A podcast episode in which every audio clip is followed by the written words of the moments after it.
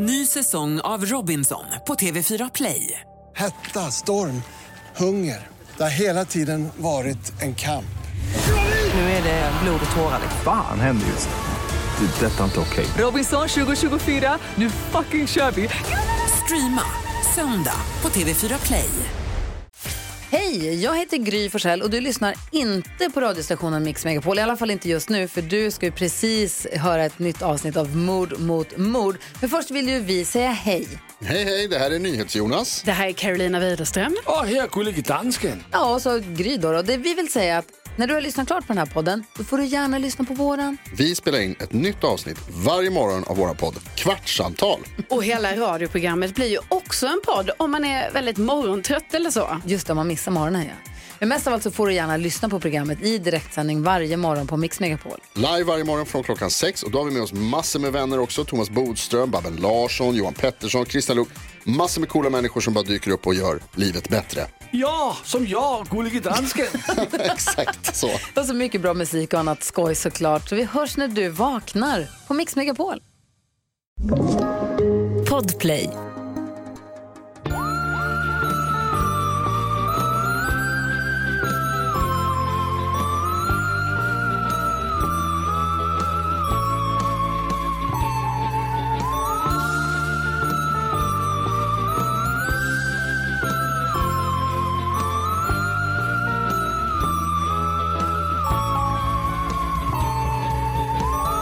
Take it away, maestro.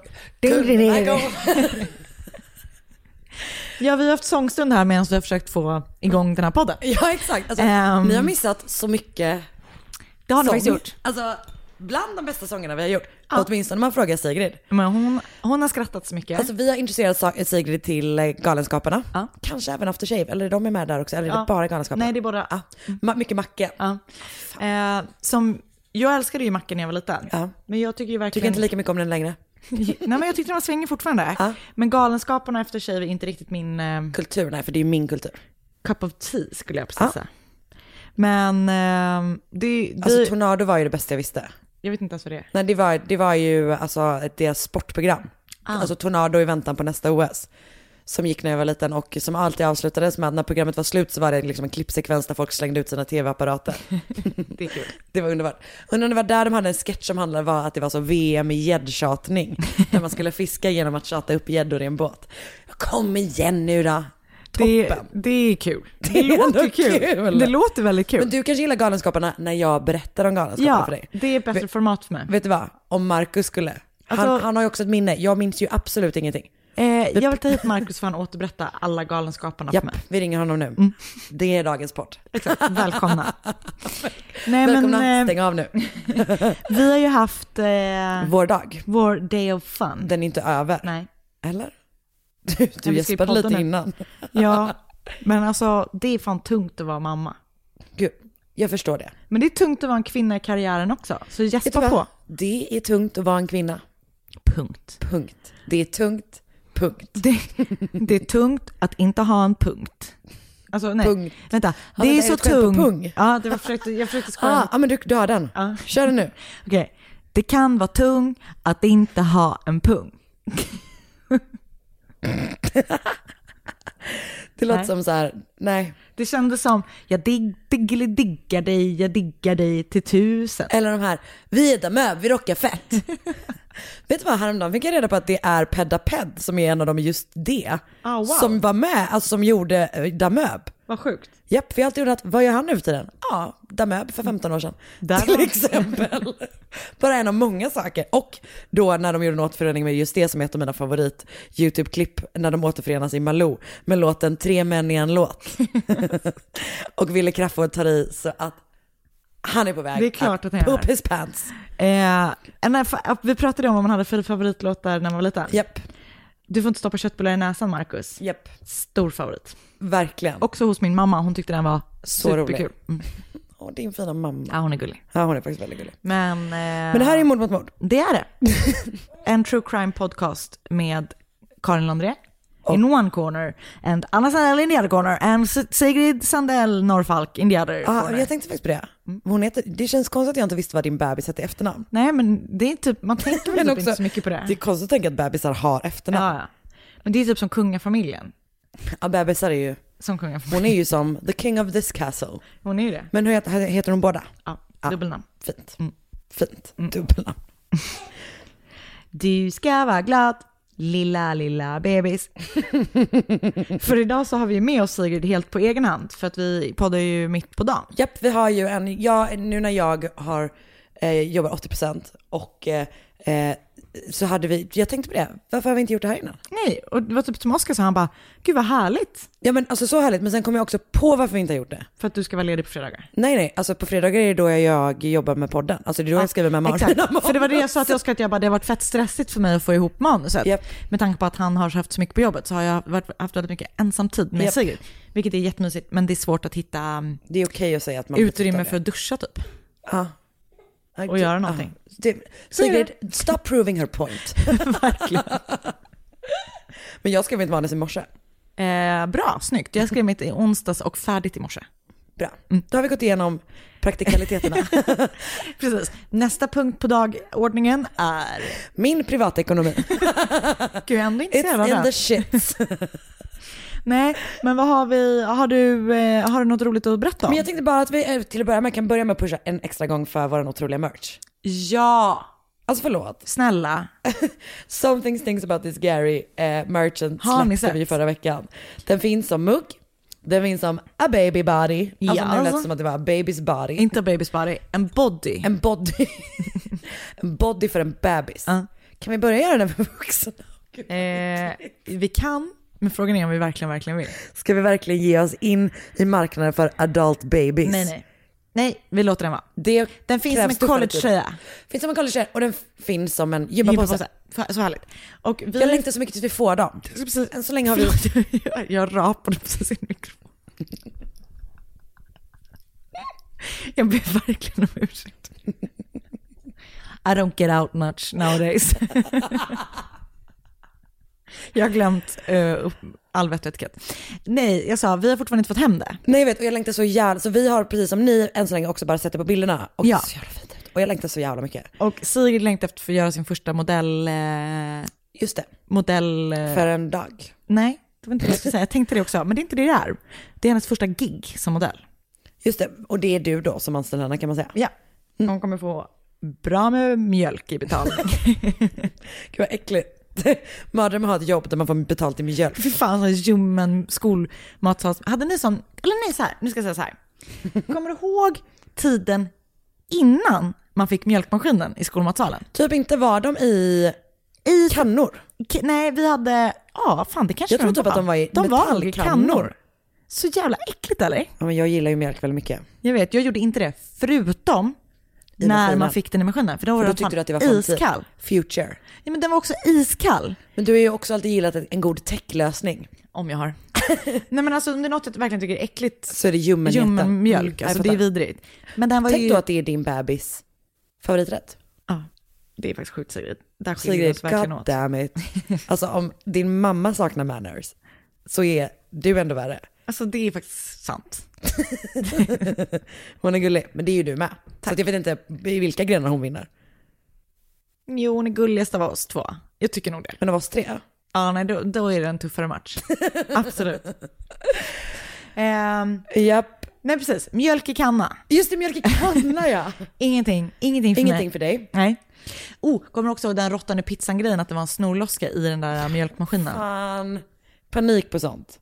Alltså det är som så här, det kombinerar typ så, eh, äckliga saker med mat och creepy pasta. Två saker som jag verkligen, verkligen ogillar. Men har råttan i pizzan hänt någon gång? Nej. Kanske en gång. Alltså, det måste Men det är lika, en annan sån grej som jag tänkte på i somras, är den här, du vet att det är så spett nedkörda typ under ett hopptorn. Eh, det är fan min största skräck, det är därför jag aldrig badar. Och det är det här jag menar, det är ju råttan i badet liksom. Är du det det? det? Vem fan skulle göra det? Vem skulle... Det var ju liksom, någon som satte rakblad i alla rutschkanor på Vanadisbadet när vi var små. Händer det på riktigt? Ja. Okej, då är det den gången. Ja. Åkte den personen fast? Nej. Nej, då kan vi aldrig mer bada. Nej. det är tråkigt. Eftersom det är det bästa jag vet. Jag hade, var livrädd för det. På tal om att bada. Mm. Jag har äntligen, eh, jag har ju börjat kolla på Estonia-dokumentären. Åh jävlar. Jag har ju ett avsnitt kvar. Oh my god. Men jag vet ju, alltså jag var tvungen att, jag visste, jag visste, jag vet. The big thing från den ändå. Eh, och nu har- så åkte Marcus på turné så jävla ohyfsat. Ja, fan, stanna hemma det var verkligen Marcus. sämst. Det sämsta med att ha en man som reser i jobbet. Ja. Så jag bara, vad menar du att du ska åka bort nu? Men vi håller ju på att kolla på tv här. Men då får man titta själv. Jag vet men grejen är att jag är så jävla rädd Anna. Alltså jag är så rädd för vrak. Det är det läskigaste jag vet. Alltså jag får panik av de bilderna. Du vet när, man, när det är mörkt, mörkt, mörkt, mörkt och så plötsligt ser de någonting. Ja. Det är fan det läskigaste jag vet. Men alltså hur sjuk är den då eller? Nej men det, allting är Nej men alltså, helt galet. det är som att hela den värld man har känt helt plötsligt inte är den världen man känner. Men alltså rent kommunikativt, om det nu är så att, att vi liksom eh, tror på den här komplotten då liksom.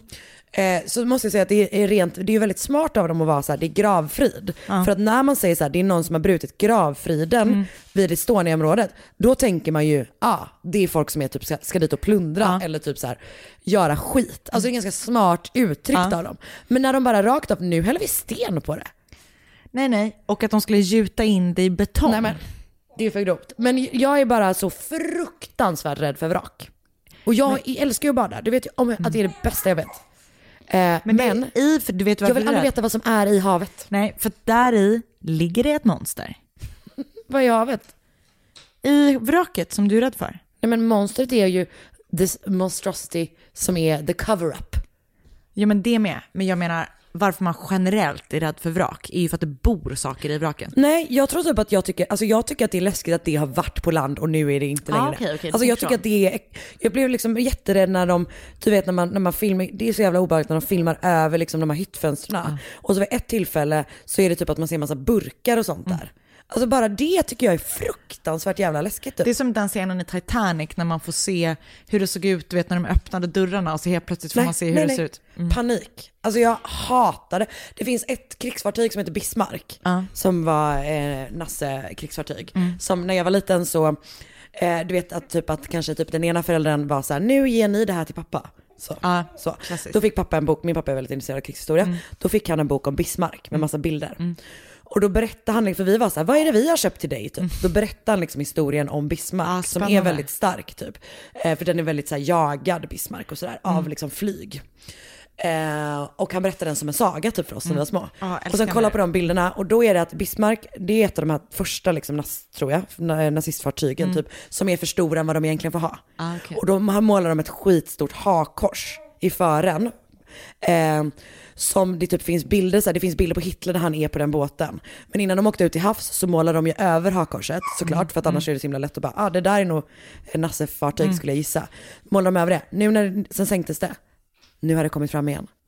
Tänkte du, du, du det ligger ett fartyg där nere med ett stort jävla hakkors. Väldigt obehagligt. Alltså det ser så jävla läskigt ut. Men du, är du inte ens lite rädd för Monster.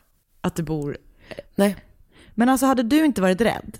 Jag är rädd för hajar, jag är rädd för fiskar, jag är rädd för slem i botten. Alltså, all, alla de sakerna Ja. som finns, det finns tillräckligt. Men sätt för ihop havet, de två läskiga sakerna då. Så har man en haj som är en slem i botten. nej, som bor i ett vrak.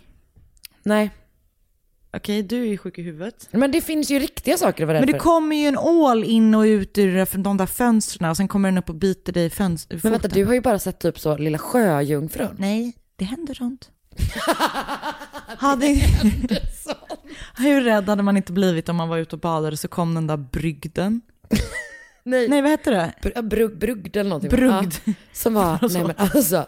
Den var så stor. Med Marcus eh, med pappa och henne, hans eh, fru har ju huspris där. De Just såg det. den. Det är så alltså sjukt. de hade egna bilder på brugden Det är så starkt. Den var så utanför stor. Styrsö. Vi var där i somras. Då, Alltså, du, den var så jävla stor. du kommer aldrig kunna bada där Den var igen. också så sorgsam. Ja, den dog ju några veckor senare. Ja. Eller man vet inte exakt att det är samma, men troligtvis är det det. ja, den eller dens bror. För det, de rapporterar mycket om den på Efter fem. Fortfarande, de har inte släppt brygden. Ja, men de rapporterade häromdagen, för nu hade den dött. Ah, sad. Men, men det som är bra är att de har bestämt sig för att täcka den i betong och det kommer vara gravfriden. ja. Okej, okej. Men vi känner oss helt enkelt lite olika rädslor kring vrak. Men då. båda två är livrädda. Ja. Och Estonia-dokumentären, otrolig. Alltså, man måste bara se den. se den. Ja. Ehm, du har ju, det har ju hänt en stor grej i ditt liv. Har det? Den nya Kepler-boken har kommit. Oh my god. Alltså jag känner mig verkligen så jävla genuint jätteglad för dig. Nej, men alltså, När du skrev till mig, nu ska jag börja lyssna på Kepler. Alltså, så här. Jag är ju en deckar-junkie. Ja. Men det finns faktiskt inga som skriver så spännande deckarböcker som då det här paret som går under Kepler. Kepler. Eh, Kepler. De måste fan vara lite vrickade alltså. För att de kommer på så sjuka grejer. Nej, men också att alltså, de kommer på det tillsammans. Ja. Det är något så läskigt med det. men det är så, Det är men så- de är så sjukt spännande. Alltså jag tycker de typ att böckerna. det känns lite mysigt att de sitter och kommer på, alltså Ja. bräcker varandra Och jag, typ, precis, jag, jag tänker att de skriver så här varannat kapitel. Det gör de säkert, men att de typ outlinar Ja. eh, grunden, så här, det här är typ vad som ska hända här och sådär. Ja. Och sen så bara tänker de läser varandras. Och bara, undrar om det oh, någon gång har hänt att de har läst varandras svart så här, men gud du är ju sjuk i huvudet på riktigt. Ja, jag tror typ det. Jag tror typ också det. Men, och jag undrar, för de, de gjorde ju, första filmen gjordes ju som ehm, eh, film. Nej, första boken gjordes ju som film. Ja. Eh, och då blir jag, man blir alltid så besviken på hur folk ser ut tycker jag. För då, den heter ju Hypnotisören Just det. Och handlar ju då om en hypnotisör. Som nu är tillbaka i den här boken. Ja. Sen spelades av Persbrandt. Det var väl helt okej. Fast också slapp casting Lite slapp casting. Men nu kommer jag inte ens ihåg vem som spelade Jona Linna som är då poliskommissarien. Men jag kommer ihåg att det, han, han var liksom, för mitt huvud är han hot. Åh nej. är, du, är du rakt upp och ner kåt på Jona Linna? Tyvärr måste jag säga att jag det. Oskar säger att Det jag, är aldrig, alltså roleplay. Väs att du är Jona Linna. jag ska säga att jag aldrig får bli polis för att poliser bara blir ihop med den de sitter i patrullbil med. Du bara, ja det är exakt därför jag vill. Det är därför jag vill bli poliskommissarie med Jona Linna. Men vem var det som spelade honom då? Det vet du inte just det. Men det är någon finlandssvensk eh, Skådis. skådis tror jag. Ja. Men jag vet inte vad han heter. Nej. Men han var inte, Du var- han han var var inte inte, snygg då? Jona Linna of my dreams. Nej, jag fattar. Hur, Men- Vem hade du kastat som Jona Linna? Bra fråga. Typ kanske... Okej, jag ska göra en sån jävla dålig... Jag ska göra en sån jävla töntig casting på det här. But I'm gonna do it. Du bara, min kille. Jag tycker att Alexander Skar skulle kunna ha lagt till sig med en liten finlandssvensk dialekt där och vara Jona. Han är het, jag, jag kan inte... Nej, jag säger inte emot dig. När han spelar Eric of the North Just det. i True Blood. Nej men det, men det är väl ingen kontroversiell åsikt att, Nej, det är ju inte det. Nej. Det, är därför det känns så töntigt att att du säga det känner bara. dig lite basic. Ja. Ja. Jag fattar. Men sån är jag, Så är basic. det. Jag tycker det är okej. Men ja, den har kommit ut och jag lyssnar på den som en dåre. Och den är otrolig. Och den lever, lever upp. Ja, men jag tycker det. Och, och den, det jag gillar är att den är 17 timmar. Just det. Så jag har mycket tid framför mig. Gud vad kul. Jag gillar den väldigt mycket för den är 17 timmar lång. Nej, men- Det är typ inte ofta man säger det om någonting. Ingenting. Och, Jag fram, gillar den här flighten för den är 17 timmar. och framförallt inte jag som har svårt att committa till en film som är en timme och 40 Nej, minuter. fast det är ju ett annat typ av lyssnande. Alltså, mm. Jag har lyssnat på en, eh, en ny podd som, som jag skickade till dig. Som Just heter det. Even the Rich. Ja. Som när jag skickade den till dig så sa du så här, vadå är det en skvallerpodd? Nej, alltså det var inte med den tonen. Det var, ah, är det en skvallerpodd? Ja, du blev glad och sen Ja. gjorde jag dig besviken. Nej, Ja, okej. det- jag blev inte besviken, men Nej, Men det handlar i alla fall om typ så här, eh, ja men typ dynastier egentligen. Så att, alltså på, inte på det sättet som är, alltså inte typ så Ming-dynastin. Utan typ Beyoncé och Jay-Z har de en hel serie om typ. Men när du sa en serie, menar du att det är så här fyra, fem avsnitt? Ja. då? Ja. Och sen så lyssnade jag på en om, eh, vad sa jag nu då, Ted Kennedy. Ja. Eh, och när han var med i en bilolycka och sen lämnade en kvinna som var med honom i bilen när han körde av vägen i en sjö. Han lämnade henne i bilen och hon dog. Nej. Och sen så, ja, det, allting är, så det är liksom Kennedy-bakgrund men inte så mycket, man behöver, alltså Nej. så, man vill ha lite. Eh, för jag har typ inte så bra koll på dem. Men sen, men sen bara den historien, det är Fan vad sinnessjukt. läskigt. Even the rich, rekommenderar. Wondery, Kul. som vanligt. De gör så bra poddar. Det är så fucking bra poddar. Sigrid, har du någonting att tillägga? Ge henne micken.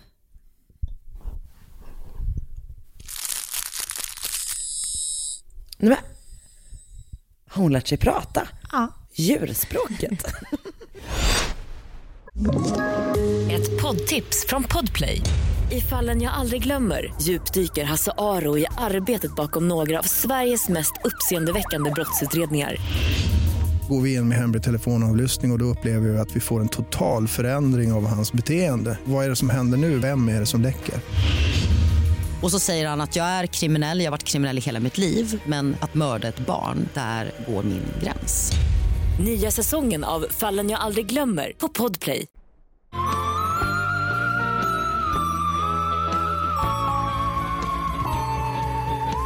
Eh, den här veckan så tänkte jag göra ett mer sånt, lite mer gammalt klassiskt fall. Eh, och det är mycket möjligt att eh, du känner till det här.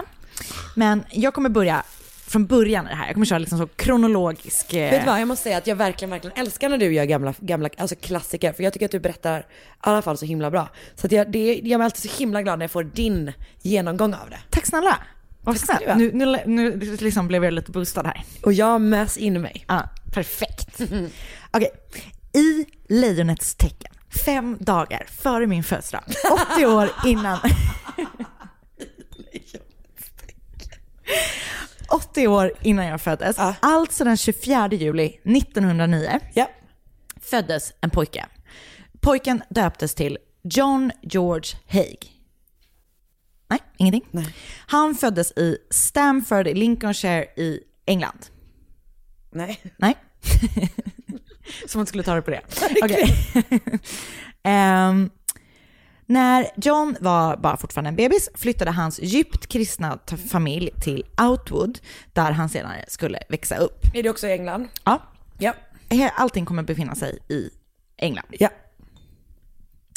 Ehm, hans familj var då väldigt dedikerade till sin tro och John uppfostrades strikt och blev ständigt påmind om att Gud såg honom vad han än gjorde och att han var tvungen att sköta sig av den anledningen. Liksom att Gud alltid var tittade på Det gör mig så honom. stressad. Så sjukt stressad. Eh, familjen tillhörde en gren av kristendomen, eller vad man ska säga, som heter Plymouth Brethren. Brethren. Alltså brethren. Brethren. Brethren kanske. Men det är inte så brödraskap, det är inte brethren. Har jag hittat på att det är brödraskap? Who knows man? Du behöver inte. Brethren. Alltså B-R-E-T. H-ren. Brethren. Svårt att säga. Det är kul att vi, vi tror att vi ska komma på vad det innebär. Plymouthbröderna heter det på svenska. Ja, så är det brödraskap. Brethren. Det var som att jag pratade alviska när jag sa det. Okej. ha- de- Eller walesiska. Eller det. Eller alviska. I don't know. Eh, familjen tillhörde då en gren av kristendom som heter Plymouthbröderna. Eh, som verkar vara typ en väldigt så ordagrann eh, tro. Eller vad man säga, de sätter Bibeln som det högsta, liksom, att man ska följa verkligen det bibliska. Så här, och att eh, Bibeln och det som den säger sätts över alla andra auktoriteter. Men det här är inte historien om Plymouth bröd, alltså, för jag tror att det finns någon historia runt det sällskapet typ. Säkert, det är Jag inte historien det. om det. Nej. Det kanske blir nästa vecka. När jag fortsätter historien om Bröder. Plymouthbröder. det beskrivs på flera platser som en sekt.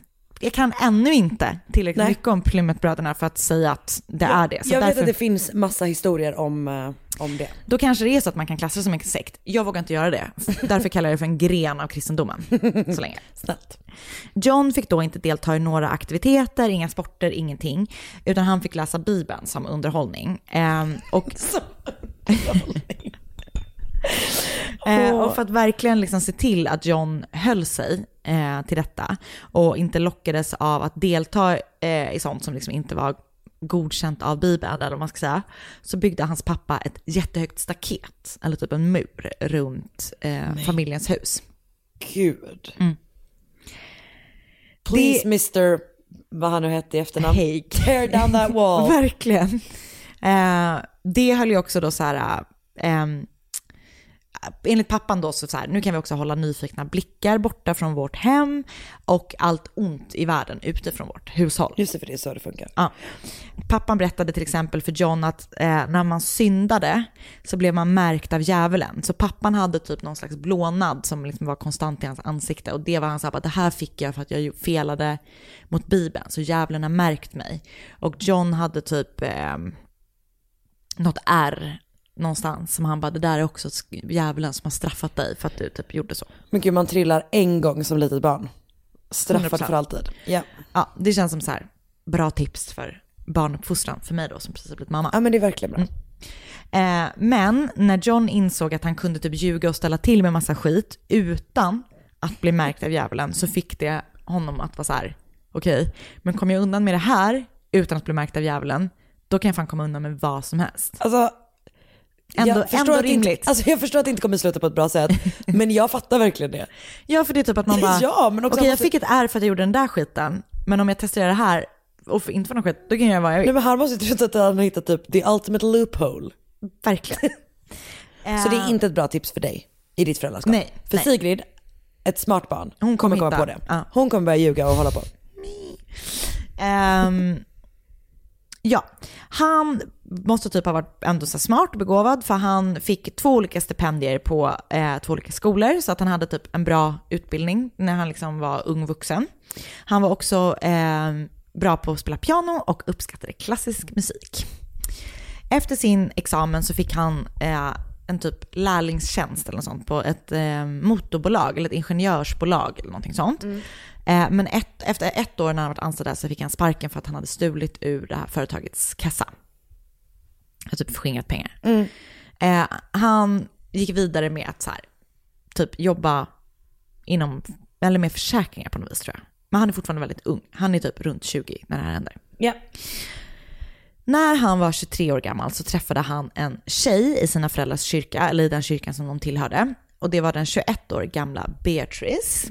Hon var till en början lite tveksam till John, men han var typ så här vältalig, snygg, uppfostrad och ganska snabbt efter att de har träffats så gifte de sig. Och de gifte sig den 6 juli 1934. Det blir däremot ingen långvarig historia för att fyra månader in i deras äktenskap så åker John fast för bedrägeri. Oj. För det han har gjort är att han har kommit på att han kan sitta typ så här i telefonkatalogen och bara typ välja ut ett namn. Så ser han så här Karin Londré. Eh, så låtsas han vara Karin Londré och köper en bil på avbetalning. Ja. Och sen så säljer han den bilen vidare för riktiga pengar och sen skiter han i att betala avbetalningen. För att det är ju Karin Londré som kommer åka på det. Taskigt. Ja, tyvärr. Så nu har du en bil som du inte får använda. Det har jag i och för sig redan. Men Ja, det är mest sant. för att jag inte har körkort. Ehm, ja, så det är ju ganska smart fram tills att han då åker fast. Alltså det är ganska vidrigt, men det är ganska Alltså så här, man kommer kunna ha en kort intensiv period och sen kommer man åka på det något så jävla mycket. Och det var det han gjorde. Ja. Så han satt inne i fängelse i två år. Och under den tiden så födde Beatrice ett barn som adopterades bort. För, ja jag vet inte, de skulle gå skilda vägar. Ja. De skilde sig då när han åkte in i fängelse och hon kunde inte vara ensamstående mor och så här. Ehm, så de har gått skilda vägar när han kommer ut ur fängelset. Och han har, de, hon har adopterat bort deras barn och sådär. Så 1936 var det året som han kom ut ur finkan och då flyttar han till centrala London.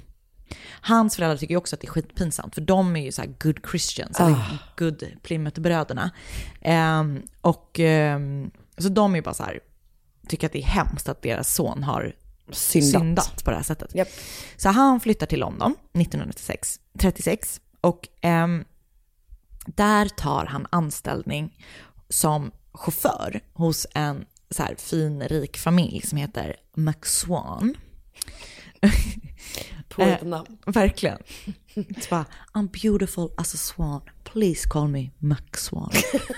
det, är mitt, det är mitt superhjältenamn. Det är det verkligen. Men Mac, du kan göra bättre än Mac. Jag kommer ha Mac, alltså som tilltalsnamn, M-A-C. Swan. Max One, PI. Eller nej, det är McDonalds nästa fåg, eh, fågelburgare. Nej men det är inte bra. Nej, svankött, I Nej, don't know. vi är inte där Vi är än. inte där. Som samhälle. Eh, som, eller under tiden eh, han arbetar där som chaufför blir han väldigt tajt med familjens son som heter William. Och hela familjen uppskattar honom och han blir typ nära med alla dem. Och de är bara så här, du är ju så här, du ska inte vara chaufför, typ. Du ska få advance Ja. i vårt företag. Så han får eh, någon liksom högre uppsatt tjänst där i bolaget innan han till slut bestämmer sig för att han vill starta eget. Så han bestämmer sig för att ska starta eh, en advokatfirma. Men är han Nej. advokat? Nej, det är han inte. Okej. Han är ju inte advokat. Nej. Och han, han liksom, han, han har ju sett hur The Max Swans har det. Och han vill också ha det fett, men han hatar att jobba. Så han är typ bara så här, men jag låtsas att jag är advokat. Han är back to his tricking ways. Ja. Ja. Eh, så han eh, startar det här företaget. du vet, får klienter, eller låtsas att han har klienter typ som har avlidit, att han håller på med så bodelning och sånt. Ja. Så han approachar folk och är så här, du den här damen har avlidit, jag ska sälja av hennes bohag för typ göra bodelning, eh, eller Ja. nu slänger jag mig med termer som jag låtsas att jag kan. Kör, snälla det är väl det, det, är väl det som är den här podden. Verkligen. Ehm, så han säger så här, du kan få köpa hennes aktier och fonder eh, under marknadspris. För att vi måste bli av med det fort typ. Ah, okej, ja. Så han säger så här, den här aktien är värd Så och så 1000 mycket. kronor på Mm. marknaden, men du får köpa den för 700. Ja. Så alla bara, ah men fett bra. Så han Så då får han pengar men de får ingenting tillbaka. Exakt, för det finns, de här finns inte som han säljer. Han har väl väldigt enkla men väldigt effektiva skatt. Alltså 100 procent. Och typ att, ja alltså jag tycker, han är, jag tycker han är smart. Det var ju enklare tider för scammers innan. Ja. Alltså nu är vi ju liksom Nu har vi koll. slutet på 30-talet, jag undrar hur mycket koll man har. Då var väl allting papper typ? Ja, och allt var ju kaos med Ja. i världen. Ja, fy fan. Fy fan. Men han åker då till slut fast för även den här bluffen. Som han, han kunde ju bara bedriva den under en ganska kort period, för folk fattade ju fort liksom. Ja. Och jag tror att han åkte fast genom att han hade liksom låtsats vara en person eller liksom företräda en person. Mm. Och så hade han den här stavat fel, du vet, på namnet och du vet, det var någon sån riktig dum, Han dumt hade inte fel. gjort den här grejen du vet som när man typ så ska lära sig eh, personnumret på sitt falsklägg baklänges. Åh, Åh, det var fan det värsta. Men vi alla vet att han är född i lejonets tecken. Också en fråga man kunde förbereda sig på. Jag vet inte om någon någonsin fått den. Eh, nej, men jag, alltså jävlar vad jag tränade min syrras personnummer. Namnteckning. Baklänges. Och att hon var, det, skorpion visste jag ju. Men när jag väl så höll på att åka fast så fick jag skriva hennes namnteckning 15 gånger innan jag till slut fick gå därifrån. Alltså fan, fattar du? Men du trä- hade ändå tränat på den? Ja, så mycket. Men alltså förstår du vad taskigt av den vakten? Han visste ju att det inte var jag. Verkligen. Han hoppades bara att du skulle crack. Och jag var superseriös och bara stod och skrev 15 gånger så här. Jag har en kompis som eh, fick barn väldigt ung och en gång när vi var ute och vi säger att hon var, ja men vi var väl liksom 19, hon var 19 och jag var Ja. 18. Så hade hon glömt sitt lägg. Så när hon, bara, I'm a fucking mother. ja nej alltså hon ringde sin egen mamma, höll upp till vakten och bara Mamma, mamma kan du säga till den här mannen att jag har ett barn? Så försökte hon ta sig in på den roligt. vägen. Funkade inte. Nej, okej. Det visade sig att man inte behövde vara myndig för att få barn. Nähä? Ehm, Ja. Okej, så han åker in, fyra, fyra år får han tillbringa bakom lås och bom. Och under tiden han sitter inspärrad så börjar nästa plan ta form. För han visste ju att han vill ha pengar. Han vet att han vill göra minimum effort för att få de här pengarna. Ja. Och eh, det, liksom, det var ju så hela den här bedrägeriverksamheten hade tagit form från första början. Och nej, så han har då ehm, åkt fast för att de här personerna som har blåst, han har blåst, har ju till slut kommit på det och anmält det. Ja. Och så. så han bestämmer sig, eller han tänker så här, okej, om det inte finns några spår så kommer jag inte heller åka fast. Nej. Så jag måste ju typ göra mig av med alla vittnen och alla spår som man kan tänka sig finns efter mina, efter mina bedrägerier. I see where this is going. Ja. Så han tänker, okej, det kommer bli mord, Mord. här. Och jag kommer... Också en tagline för våran podd. Det kommer bli mord här. Verkligen. Det, kommer du ihåg det här programmet från när vi var små? Det kommer mera... Ja, självklart. Det är klart det gör. Oj. Oj. Oj, Sigrid har just upptäckt att hon kan spotta långt. Corona baby. Ehm, så han tänker så här, okej, det kommer bli mord här och jag kommer att behöva göra mig av med kroppen efter mordet har begåtts. Hur gör man sig då av med en kropp på bästa sätt, tänker han. Är det fortfarande minimum effort vi letar efter? Alltså ja, man kanske kan säga att Ja, det är det. mm. Ja. Det beror på hur man ser det. Eh, han blir då inspirerad av den franska mördaren Georges Alexandre Sarré som har löst upp sina offer i syra. Så John tänker, tänk om jag också kan lösa upp kroppen efter mitt mord i syra. Då försvinner ju alla spår. Så inne i finkan så tar han jobb i verkstaden där och där lyckas han komma över svavelsyra. För att han vill då testa typ så här, hur funkar det med svavelsyra? Han vill liksom börja öva sig. Men gud. På något vis så lyckas han få andra fångar att fånga möss in i fängelset till honom så att han, som han då kan testa att lösa upp i syran. Äckligt. Riktigt äckligt. Och jag vet inte om han håller på med det här experimentet i verkstaden eller om han gör det i sin cell. Det förtäljer inte storyn. Nej, men han gör det i finkan. Han gör det i fängelset.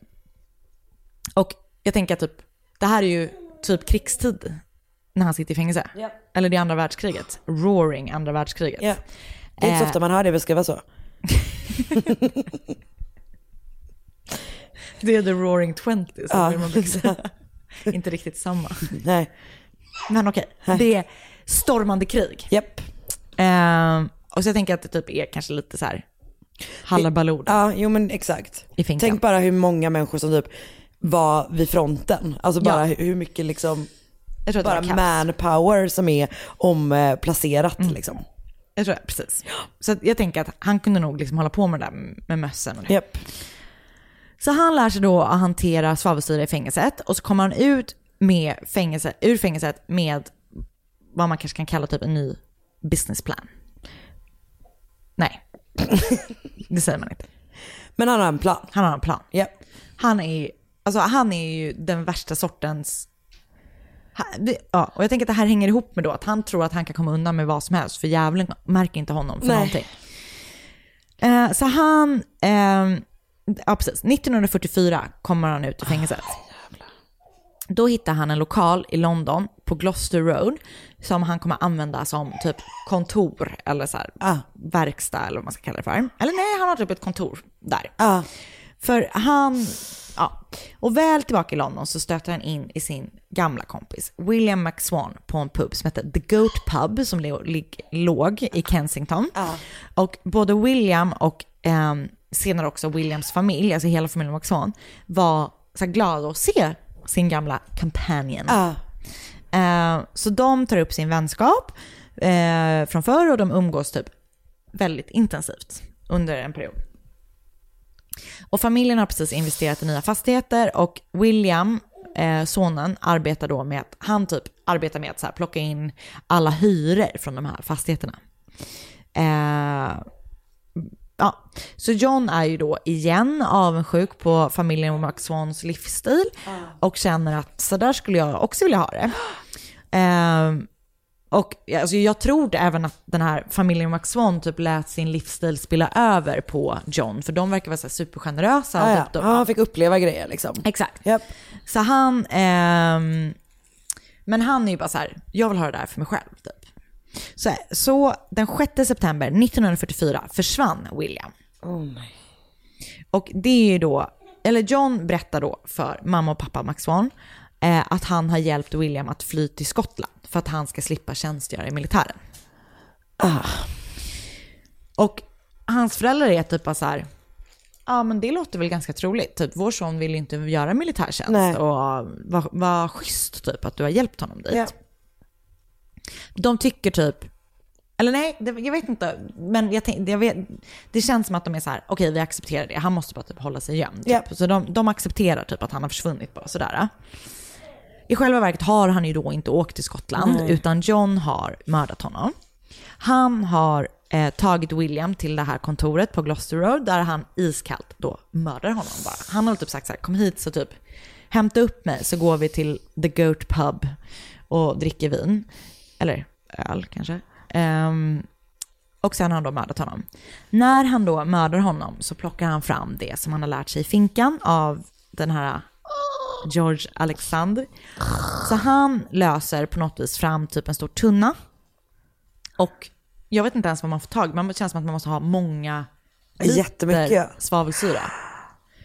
Han får fram det på något vis i alla fall. Och sen så då ger han sig i kast på att lösa upp den här stackars Williams kropp. Men det är liksom en kompis till honom som han har känt jättelänge och vars familj har varit typ superschyssta mot honom. Han är ju helt samvetslös. Han är ju helt, Japp. vad det nu är, sociopat eller Ja, vad det nu kan vara. ja. Eh, en podd jag lyssnade på så är det, eh, så säger hon typ så här, Eh, det är en man och en kvinna som har den podden och de bara eh, bla bla bla, alltså kvinnans namn. eh, she will eh, handle the psychology Ah, but she's not a psychological expert. Vilken är det? Det är, ju en serial killers. Alltså jag blir tokig Alltså, på det typ att man I varje avsnitt så säger de ju det. Men det är så pinsamt, alltså, she's done a lot of research for och så är det typ att hon bara, in psychology today, they, du vet, they clarify that, bla bla Alltså, bla. det är så jävla pinsamt. Jag har inte valt att ta med alla det här psychological... Nej, och det är väl jättebra att man, om man nu eh, uttryck, uttalar sig om folks eh, psyke på det sättet som de verkligen gör det, så är det väl bra att man klargör Att man inte att man är inte är. utbildad. Men man, det kanske hade funnits en poäng i att ta in någon som kanske var. Ja, om man, precis. Om man nu ändå... Om man nu ska prata om det. För att de säger sådär i varenda Ja, det är så avsnitt. jävla störigt. Ja. Okej, så, Så, att, han är eh, liksom, nu är han igång med sin är vidriga, vidriga plan. Ja, Liksom. men efter då att han har mördat John så börjar han då så här göra saker för att, för att, hans föräldrar, för att eh, Williams föräldrar då inte ska fatta att, eller de ska tro, fortsätta tro att han är i Skottland. Så han typ skickar vykort till Skottland, från Skottland, som är undertecknade Williams signatur. Han har du vet tränat på att han ska du vet, så här, kunna hans handstil och du vet sådana saker. Eh, men han, än så länge så har han ju då inte riktigt kunnat ta del av pengarna. Nej, jag tänker det. För än så länge har han ju verkligen bara begått ett mord typ. Alltså det är inte liksom att han har, han har inte sålt någonting till honom. Eller, för det, det kändes ju som att det var det som var planen. Att det var så här, jag ska typ mörda folk för att jag har stulit från dem. Men det har han ännu inte gjort, eller? Vänta lite. Precis. Så att när kriget då väl börjar ta slut och eh, William inte kommer tillbaka så börjar mamma Amy och pappa Donald undra varför William håller sig borta. Japp. Så John bestämmer sig för att slå två flugor i en smäll. Han vill få slut på Amy och Donalds undrande och också se till att få tillgång till familjen McSwans pengar. Japp. Så John bjöd John och Amy till Donalds kon- nej, John, John bjöd Amy och Donald till Johns kontor.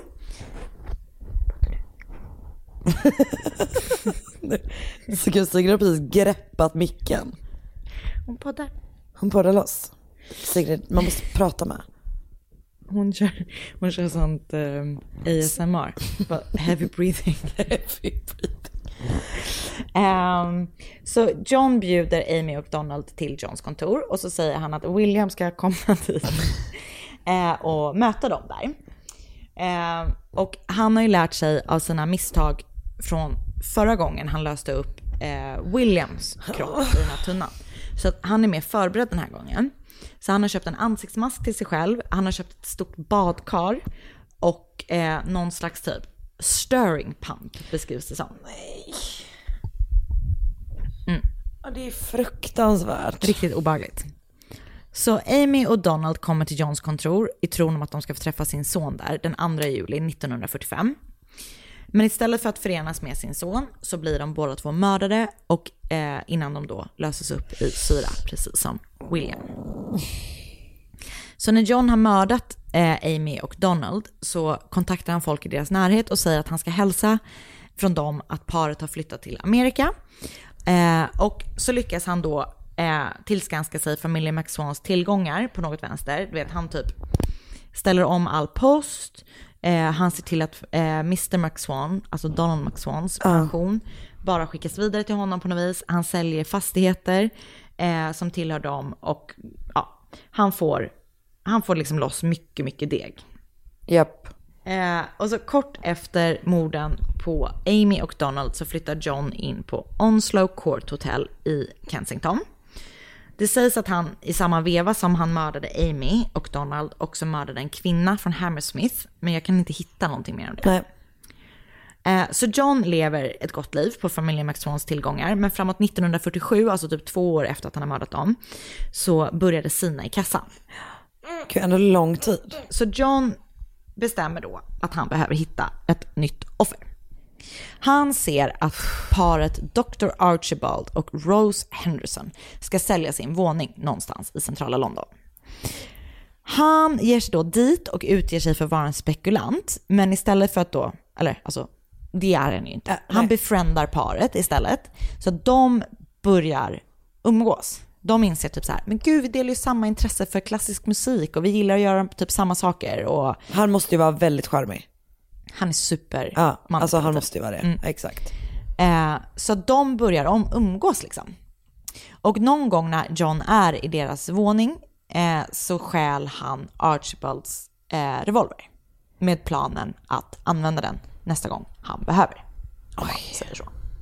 Så den 12 februari, eh, och jag ska säga här, i, i, det har varit lite olika bud på årtal. Ja. Jag kommer köra på ett spår med Ja. årtalen. Det här är då 1948. 12 februari, så lyckas John lura Archibald att komma och titta på något som han säger sig ha uppfunnit i hans nya verkstad.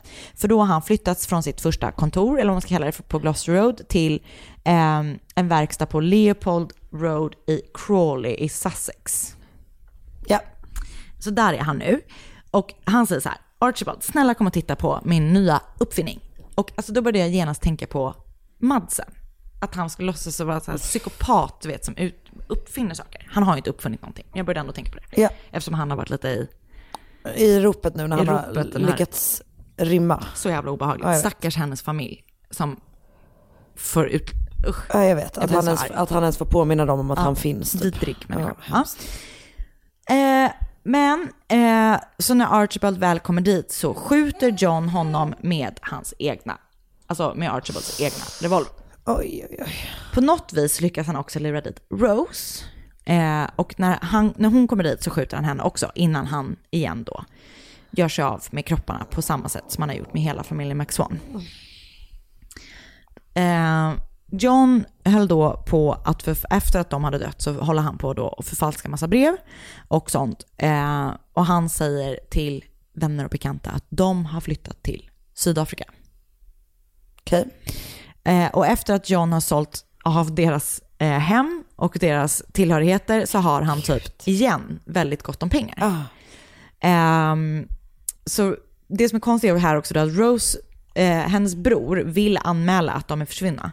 För han verkar tycka att det här är skumt, att de bara har flyttat till Sydafrika typ, utan att ringa Ja. eller du vet så här. Eh, men John då, som den master manipulator som han är, lyckas övertala han, brorsan där om att... Ingenting här, konstigt. Det är inget konstigt, de har flyttat typ, så här, Ja. lita på mig. Jag, Släpp dem. Verkligen. You don't need your sister. Eh, så att brorsan släpper det liksom. Jag tycker bara det är så intressant att tänka på vilken typ av människa som hade kunnat säga så typ om min bror. Som man hade att litat på. Nu är det, förstås, är det förstås en typ ett annat läge rent kommunikationsmässigt men ändå. att jag hade varit såhär bara, ja, ah, nej men okej, Mm. Då litar jag på dig. Kanske flickvännen typ. Nej. Nej. Och då gillar jag verkligen hans tjej.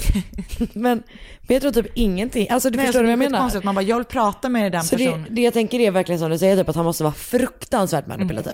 Eh, så John fortsätter leva något sånt high roller liv och han spelar mycket. Alltså Ah. spelar gamble. Ja. Och så bor han permanent på något fint hotell. Som ju känns som det sämsta sättet att typ så här, Leva om man vill ha några pengar som ja, stinka. Jag vet. idiotiskt. Ja. Ehm, under tiden han har bott på det här hotellet så har han blivit vän med en gammal rik eh, änka Nej. eh, som heter Olive Durant Deacon som var då änkefru till en rik advokat som hette, hade hetat John Durant Deacon. Så när Johns pengar börjar sina igen, det här är nu på 1949 tror jag, eh, så låg då Olive risigt till. Oj. Hon hade pratat, alltså det här, jag vet inte om det här är så här, det här läste jag i, och jag vet inte om jag brister lite i mina, mina engelska kunskaper, men för det låter konstigt. Hon har pratat med honom om någon idé hon har för att tillverka lösnaglar. Wow. Eh, så han lyckas lura henne till hans verkstad. Där, alltså då med typ så här, men jag har en idé, jag har typ en prototyp på dina lösnaglar. Ja. Kom och titta. Där även då hon blir mördad på samma sätt som John Hayes tidigare offer. Men gud, hur många är vi uppe i nu? Sex nu är det sex stycken. Ja. Två dagar efter att det här har hänt så anmäler Olives väninna henne att hon är borta. Ja. Och på något sätt nu så liksom får polisen upp ögonen för John. Äntligen. Ja. Så polisen kommer till hans verkstad för att genomsöka den. Och där hittar de typ en portfölj eller något sånt med massa dokument och handlingar som kopplar honom till eh, Olive och till Archibald och Rose och till hela familjen McSwan. I verkstaden hittas också ben och andra kroppsdelar, eh, eller rester eller vad man ska säga, från hans offer. Så när polisen har hittat allt det här så erkänner John bara så här, japp, jag har mördat alla de här människorna. Ah. Då är, erkänner han också tre mord till. Den här kvinnan som jag nämnde tidigare från Hammersmith som inte har något namn. Just det. En flicka som inte heller, från Eastbourne som inte heller är namngiven. Upp. Och en ung kille vid namn Max. De här tre sista morden kan man typ inte liksom Styrka. styrka att de Nej. faktiskt har hänt. Och det verkar typ som att John så här hela tiden slirar lite på sanningen eller säger saker som han typ tycker är lite ball typ. Ja. Det, det är typ också som att han så här försöker imponera på psykiatriker och sånt som är delaktiga i hans utbildning, Att han typ ska vara, utredning. intre- att han ska vara intressant. Ja, och det är typ att han bara, jag drack blod från alla mina offer. Jag fick tidigt en smak för blod, typ bla bla bla. Du vet, Ja, han men det finns så- typ ingen som stark styrka i det heller. Nej. Liksom. Nej. Han är helt övertygad om att de inte kan fälla honom för någonting eftersom det inte finns några kroppar kvar. Ehm, och då ska det då inte gå liksom alltså styrka att det har begåtts något Ett, brott. nej, det. typ. Ja. Men han har ju erkänt. Han tror att han är så jävla smart. Och då finns, alltså, finns ju massa bevis liksom på Ja. det. Så den 18 juli 1949 inleds rättegången mot John Hay. Han har inga pengar att betala en advokat med, eh, så att han gör en deal med tidningen News of the World att de ska betala advokaten åt honom. Om de får typ få tillgång till hans story. Ja, så han ska göra så exklusiva intervjuer med dem. I rätten så säger han då helt plötsligt, alltså då, då har han liksom, erkänner han sig inte skyldig längre, utan då säger han att han är oskyldig. Och hans försvar försöker hävda att John led av en psykisk sjukdom. Men åklagaren däremot menar att... spännande va? Visst är det spännande?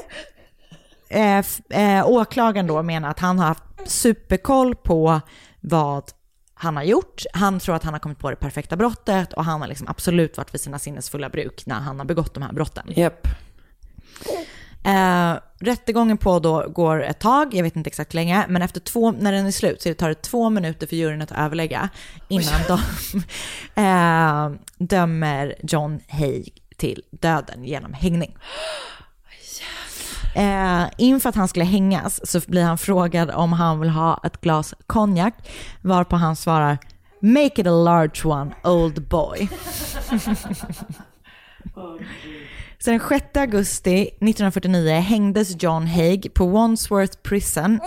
Eh, men innan dess hann han då både göra den här intervjun som han hade utlovat News of the World och Madame Tussauds han göra en vaxavgjutning av hans ansikte. Åh nej! Så om man råkar vara i London eh, kan man besöka Madame Tussauds eh, House of Chambers, Cham- Chamber of Horrors menar jag, där han finns då. Men det är helt sjukt att de har, det finns väl flera stycken sådana där? Typ, eh, eh, vad heter han, Jack the Ripper vet jag inte om hans finns eftersom jag inte vet om det är, men typ sådana människor. Ja. Ehm, Okej, och jag har då läst en bra sammanfattning av hela fallet på Crime and Investigation, olika Wikipedia-sidor och så har jag lyssnat då på podden Serial Killers del 1 och 2 om John Haig. Tack så jättemycket. Ett poddtips från Podplay. I podden Något Kaiko garanterar östgötarna Brutti och jag, Davva, dig en stor dos skratt.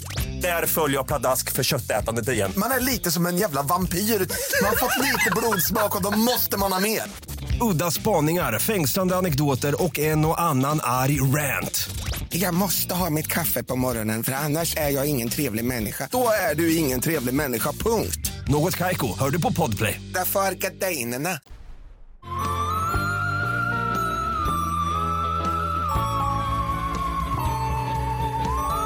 Jag tänkte göra något spökigt idag. Just det. Åh, längtar efter det. Um, tyvärr har jag inte gjort det. Damn it. Men för att jag frågar ju till och med dig, för det är väl halloween eller typ Allhelgona. nu. Ja, allhelgona nu, typ den här helgen, när det här släpps. Och då tänkte jag att det passade bra. Men sen kom jag på några problem. Okej. Problem nummer Du gillar ett. inte spöken. Jag är inte så intresserad av spökhistorier. Det var därför jag blev så glad när du skrev det, för jag gillar ju spöken. Ja, ja, men jag vet. Det är bara det att så här, det här leder mig in på problem nummer två. Som är att oftast är typ de här, st- åtminstone de här stora spökhistorierna väldigt lika varandra. Att det typ är en familj, i, ofta i USA Som det är som de du gjorde är på vår livepodd i Stockholm. Exakt, alla är typ sådana. Men typ det är en familj som flyttar in i typ ett hus och blir typ så knullad av en demon i typ två månader innan de Karin. flyr. Det var demonen, det var inte jag. Det var demonen det är i dig. så. och sen så är det typ att de går till pressen och så blir det en skitstor grej. Ja. Och sen upplever någon aldrig någonting i det huset igen. Nej. Så är alla. Mm. Typ. Jag försökte också leta efter lite svenska, men de är så jävla gamla. Alltså, förlåt, men jag bryr mig typ inte om vad som hände en präst på 1300-talet. Fast gör du inte det? Gör jag det? Jag vet inte. Nej, jag gör typ inte det. Nej, okej. Ja, ja. Jo, alltså om det skulle vara en jättebra historia, absolut. Men du fattar. Men inte en sån gans- halvkackig spökhistoria. Nej, som ju typ 1300-talet. jättemånga ändå är. Exakt. Ehm, så, jag så det blir inte det? Då nej, men då gick jag liksom vidare i läskighetsspåret. Mm. Och lite så skräckfilmsspåret och sådär. Och så tänkte jag, kommer du ihåg den här jättelånga longreaden The Watcher? Ja, jävlar. Som var, handlade om en familj som flyttade in i ett hus och började få brev Ja, den riktigt från någon som läskig. var The Watcher. Mm. Då hamnade jag liksom i så här, du vet konstiga historier med läskiga telefonsamtal. Mm. Som jag tycker är väldigt läskigt. Du har väl gjort något sånt med ett läskigt telefonsamtal och förut också? Åh nej, har jag gjort samma? nej det har jag inte. Men jag vet inte om det var för att vi pratade om den här personen som blev manipulerad att typ utsätta McDonalds. Eh, jag har säkert gjort det. Men jag har inte gjort det här. Det kanske är The Watcher som jag... Ja, skitsamma. Ehm, men så där är jag i alla fall nu min tanke. Jag vill ändå förklara min, min, min eh, väg fram. Ja. Exakt. Mm. Så idag ska jag berätta lite grann om samtalen till restaurangen The Marrakesh Okej. i Washington. Dit någon ringde eh, minst två, tre gånger om dagen, men under den mest intensiva perioden eh, upp mot 20 gånger om dagen. Oj. Det här pågick i lite drygt 10 år. Oj. Det är ändå lång tid, eller hur? Så bakom den här restaurangen, The Marrakesh, ligger Bashir och Sylvia eh, Kouchachi, kanske man uttalar det. De är då bror och syster. De föddes i Syrien men växte upp i Libanon och flyttade till USA under 70-talet båda två. 1977 så öppnade de... Vad sa du, i Washington? Ja, de första, Ah, sorry, sorry, De, sorry. först så flyttade de till, öppnade de sin första restaurang i Philadelphia. Så första Marrakesh öppnade, öppnade Philly. i Philly 1977. Och trots att det är en stad som åtminstone då, jag vet inte hur det ser ut nu, eh, men då hade man åtminstone en relativt liten befolkning som kanske typ hade mött den här typen av eh, matkultur tidigare. Eh, så rullade det liksom på, det gick väldigt, väldigt bra. Och i början av 80-talet så bestämmer man sig då för att ta nästa steg. Man ska öppna en filial i Washington DC. Okay. Det finns någon slags tanke om att där, där är det många diplomater. Kanske med, med, med liksom, eh, med eh, en bakgrund i, liksom, med, i nordafrikansk matlagning okay. och, mm. och, och, lite sådär. Eh, så, bup, bup, bup, bup, bup, bup, bup. det är också random att de är syrianer från Libanon. Ja, som lagar driver en- marockansk. Ja, fast, och det beskrivs hela tiden i typ alla artiklar och så, som typ så Middle Eastern. Man bara, Det är inte Nej riktigt... det är det inte. Ehm, men jag vet inte om det är att, att de bara kallar det för The Marrakesh och det var temat. Men folk har typ tolkat det som det för att de, är, är, för att de som har skrivit om det är typ white people. Och Ja. eh, eh, de som har, ligger bakom restaurangen. Alltså jag, jag har inte läst menyn helt enkelt. Men de hade ju bara kunnat laga libanesisk mat för det är ju skitgott. Ja, men jag vet inte om det det, och det kanske de också gjorde. Du vet det är också så här, man måste ju typ få, få in folk. Och tänkte typ så här, USA på Philadelphia på 70-talet typ. Ja. Jag tänker typ att jag hellre hade ätit libanesiskt än typ en sån tagine. Jag älskar en tagine, men jag älskar också libanesisk mat. Ja. Jag gillar, Jag är inte så mycket för grytor. jag gillar ju mat typ i allmänhet. Du hatar ju fan en gryta. Ja. Ja, nej men i alla fall, hur som helst. Jag har inte läst menyn, som sagt. Eh, men, eh, bup, bup, bup, bup, de öppnar filial i Washington. Som sagt, det finns en tanke om att det är mycket diplomater. Jag måste bara sjunga en sång som jag har nu i hjärnan. Okej. In West Philadelphia, born and raised. Så är det att man kunde eh, hyra Ja, det mansionen från eh, Fresh Prince. Så jäkla flummigt. Jag vet. Ja. Vill. Okej, jag ville bara, Eh, jag ville ja. bara get it out my system. Det var bra, det var bra. Mm, syskonparet delar liksom på huvudansvaret, men, eh, eller så här, de delar upp huvudansvaret, så ska jag säga. För att Sylvia blir då kvar i Philadelphia och eh, Bashir flyttar till Washington för att typ både vara där under liksom, de bygger den här restaurangen så han är där under den perioden men sen också är han typ chefmanager för den då. Och under perioden där man bygger så installerar man redan då en telefon. Så man drar in en telefonlinje och skaffar sig en telefon. Vänta, säg igen när det här var, vilket tid? Det här är då 82 tror jag. Okej. 82 83. Ehm, och innan då restaurangen ens är färdigbyggd så börjar det komma samtal. Och i början så är samtalen bara att han, det ringer, han lyfter på luren, det är tyst. Jag tänker mig, i mitt huvud så tänker jag att han bara trodde typ att det var något fel. Alltså du vet, Ja. det blivit något knas. Så, oj, det var någon som drog telefonlinjen lite knasigt. Snurror på linjen. Fnurror. Fnurror. Fast literally. Fast, fast precis, för fnurra på linjen det är är väl... inte det. Det är bara det jag tänker att han tänkte fast på riktigt. Han bara, Eh, oh this must be a fnurr on the line. Flörline. Eh, men han bestämmer sig för att sätta in en telefonsvarare. Och när han gör det, alltså samtalen fortsätter komma. Och jag, jag tror inte att det är bara på grund av de här samtalen som han gör det förstås. Nej. Men när han lyssnar av telefonsvararen så börjar han höra obehagliga meddelanden. Och det han hör är liksom återkommande märkliga skratt. Fy, vad läskigt. Och också lite som så här, de beskriver det som att det är så här, tss, tss, alltså sådana ljud. Jag tänker att det är lite grann som att någon typ kallar på en katt, men det är liksom inte, jag vet inte det, utan det är Nej. så det beskrivs i text. Typ.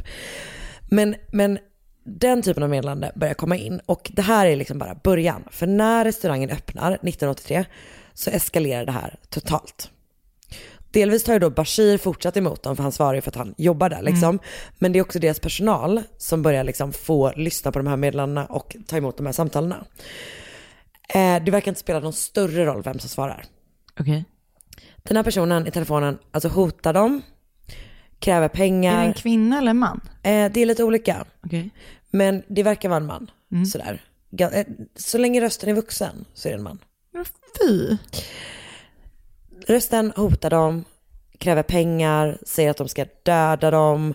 Ehm, och det är alltid så här, I'm gonna kill you. Det är, inte liksom, det är ingenting riktat mot restaurangen i sin helhet, utan det är alltid gentemot personen som svarar. De här obehagliga skratten återkommer. Eh, ibland hör man vad som låter som maskingevärseld. I bakgrunden typ, exakt. Ibland är personen super, super obscen. Okej. Alltså du vet verkligen så här grova sexuella meddelanden typ. Jag Som jag, veta. som jag har skrivit här, jag tönten, jättesnuskig liksom. Jag vill veta vad det är för snusk. Eh, då har jag en inspelning här. Nej jag vet faktiskt inte. Men det beskrivs som liksom så här pornographic liksom. Okej. Ehm, I mitten av 80-talet, när det här är liksom, det är liksom peak ring på Marrakesh, så ringer alltså typ upp mot 20 gånger om dagen. Alltså det är så sjukt. Och runt den här tiden så börjar då personen i telefonen härma en liten flicka. Gud vad läskigt. Vilket ju är det läskigaste vi har. Alltså fy fan. Och efter det så ger personalen ring, den här ringaren som jag har beskrivit den som, eh, alltså l'enfant, är det som man säger på franska? Som ett litet, som det lilla barnet är väl det liksom. Eh, vilket ju bara gör det läskigare. nu kallar den den för l'enfant. Fy. Så varje dag, alltså det här är ju en hemsk historia för alla inblandade. Och det är ju sån jävla ruljans på det här stället. Eh, för alla slutar ju för att de typ det. dagligen blir mordhotade av en främmande röst på sin telefon på jobbet. Det är för läskigt. Eh, det här är hur ofta l'enfant ringer en helt vanlig dag sommaren 1987. 9.53 ringer det två gånger. 9.54 ringer det två gånger. 11.23, 11.24, 11.32, eh, 20, eh, eh 19 över 1, eh, 32, eh, 13.32, 14, eh, 15.12, 16.12 två gånger, eh, 16.13, 16.16, 16.58 och sen igen fem i halv tio. Gud vad stört. Alltså det pågår så jävla, jävla, jävla mycket liksom. Och ibland så nämner den här personen som ringer, du vet personliga detaljer om den personen som, som har svarat. Eh, och framförallt så... Alltså, där, han eller den har liksom verkar ha koll, koll. på. Mm. Eh, och framförallt så händer det när Bashir svarar. Och han börjar snart utveckla en teori om varför han och i förlängningen då Marrakesh är så himla himla utsatta för de här samtalen. Men det började först när han flyttade till Washington ju. Ja, exakt. Och det hade heller inte kommit till Philadelphia. Nej. Och det verkar också som att när han, det kommer inga samtal när han är i Philadelphia, utan det är liksom på Marrakesh typ, i Ja, Washington. då. Ehm, han börjar misstänka att det har något att göra med något som han har varit med om tidigare i sitt liv. När han blev kidnappad och torterad i Eh. Beirut. Okej. It took a turn, didn't it? Alltså verkligen. Som sagt då, Bashir är alltså född i Syrien men växte upp i Libanon och i början av 70-talet så jobbar han med att så här skriva om kultur och underhållning på typ en franskspråkig tidning i Beirut. Där träffar han en amerikansk sångerska. De blir super, super kära. De gifter sig, flyttar till USA. Han blir amerikansk medborgare och börjar typ jobba eh, på lite olika restauranger. Bland annat sommelier på Disney World. Oh my god, drömjobb. Är det bästa Jag orkar inte. Det är verkligen Alltså att de ens har det på. Disney World. Jag vet, jag blir så glad. Men du, det väl, har vi pratat om att vi ska åka med Sigrid till Disney World? Det hoppas jag verkligen. Alltså, kan ha varit din kille? Det, jag tror kanske att det var jag och Oskar när du tänker på det. Men, Din andra kille? exakt. Min dröm. Okej, okej. Jag skulle säga min drömkille. Det är han också. Det vet jag. Mm. Men nej jag vet, jag vet. Jag vill jättegärna göra det. Jag är väldigt förtjust i att åka saker. Eh, jag med. Mm, Bra. Men Sigrid, måste vi ha henne över 1,40 innan hon får åka med? Men, Eller är så- hon mest vår ursäkt? Alltså, Oskar och Marcus får väl ta henne eller? Ja, Marcus vågar inte åka någonting. Nej. Så det är perfekt. Bra, bestämt. Okej. 1974 är han och hans fru tillbaka i Beirut för att hon ska typ dit och jobba. Hon har någon liksom längre engagement där hon sjunger på något ställe. Typ så. Och en kväll i juni det året så är hon eh, bjuden till en privat fest av en saudisk prinsessa. Oh my god, this is turning out to be an awesome story. Jag vet. Um, Bashir har typ inte riktigt någonting för sig den kvällen så han är så här, jag kommer att hämta dig liksom. eh, när du är klar där. Så de bestämmer att de ska ses klockan halv tolv. Då ska han liksom plocka upp henne i bilen. Men när hon fortfarande inte dykt upp vid ett så blir han så här, men gud jag måste ju ha fått fel adress eller någonting. Någonting är ju typ knas typ. Så han bara, jag åker hem. När han kör iväg så prejas han av, eh, av en van. Som tvingar honom av vägen och som ser till att hans bil stannar. Sen omringas han av män med automatvapen. Nej. Och de stoppar hans bil, du vet för upp dörrarna, drar ut honom därifrån, binder hans armar och ben, slänger in honom i deras van och kör iväg. Han tror att de har kidnappat honom för att de ska råna honom. Men han inser att det nog inte är så. Nej. De har kidnappat, kidnappat honom för att de tror att han är någon slags politisk person, alltså att han är politiker. Och först, han bara, i början han bara, men okej, men, Men så han är bara en vanlig kultursnubbe. han är för fan sommelier på Disney World. Visst det var det han var? Jag fick för mig... Han hade jobbat med det innan. Men Okej. sen i USA har han jobbat på Ja, ja, krogar. ja, ja. Eh, men, men så att han är så här, han bara, okej men vad skönt, så fort de inser det så kommer ju de släppa mig. För att jag är ju inte politiker, jag är inte politiskt engagerad så, att, så här, det kommer vara lugnt liksom. Eh, anledningen till att de har misstagit honom för politiker tror han, allting är det här, det här är hans liksom, story. Eh, han säger då att det är för, han tror att det är för att han kör typ en Mercedes som är, det är tydligen belgiska eh, registreringsskyltar på den. Eh, och att han typ kör i ett område där han typ inte borde ha kört. Eh, Men hur som helst, när hans kidnappare, som tydligen ska komma från eh, PLO, vilket är en organisation för palestinsk frihet, eh, som idag liksom så förespråkar en två, eh, tvåstatslösning, men som, det här är liksom någon slags våldsam avknoppning Okej. av det liksom. Eh, De har då honom som fånge. De misstänker att han är politiker. Och när han bara, men jag är inte det. Jag är amerikansk medborgare. Fan vad stressigt. Riktigt äkta stressigt faktiskt. Han bara, jag är amerikansk medborgare. Har ni varit på Disney World? Jag kan fixa biljetter. Jag, Jag fixar fixa en flaska champagne." det är inga problem. Eh, men grejen är att när han berättar att han är amerikansk medborgare så är de så här, de bara, ah, du är CIA Perfekt. CIA-spion. Och du, är, på grund av att du är amerikan, samarbetar nog med Israel. Så det hjälper liksom inte. Fan.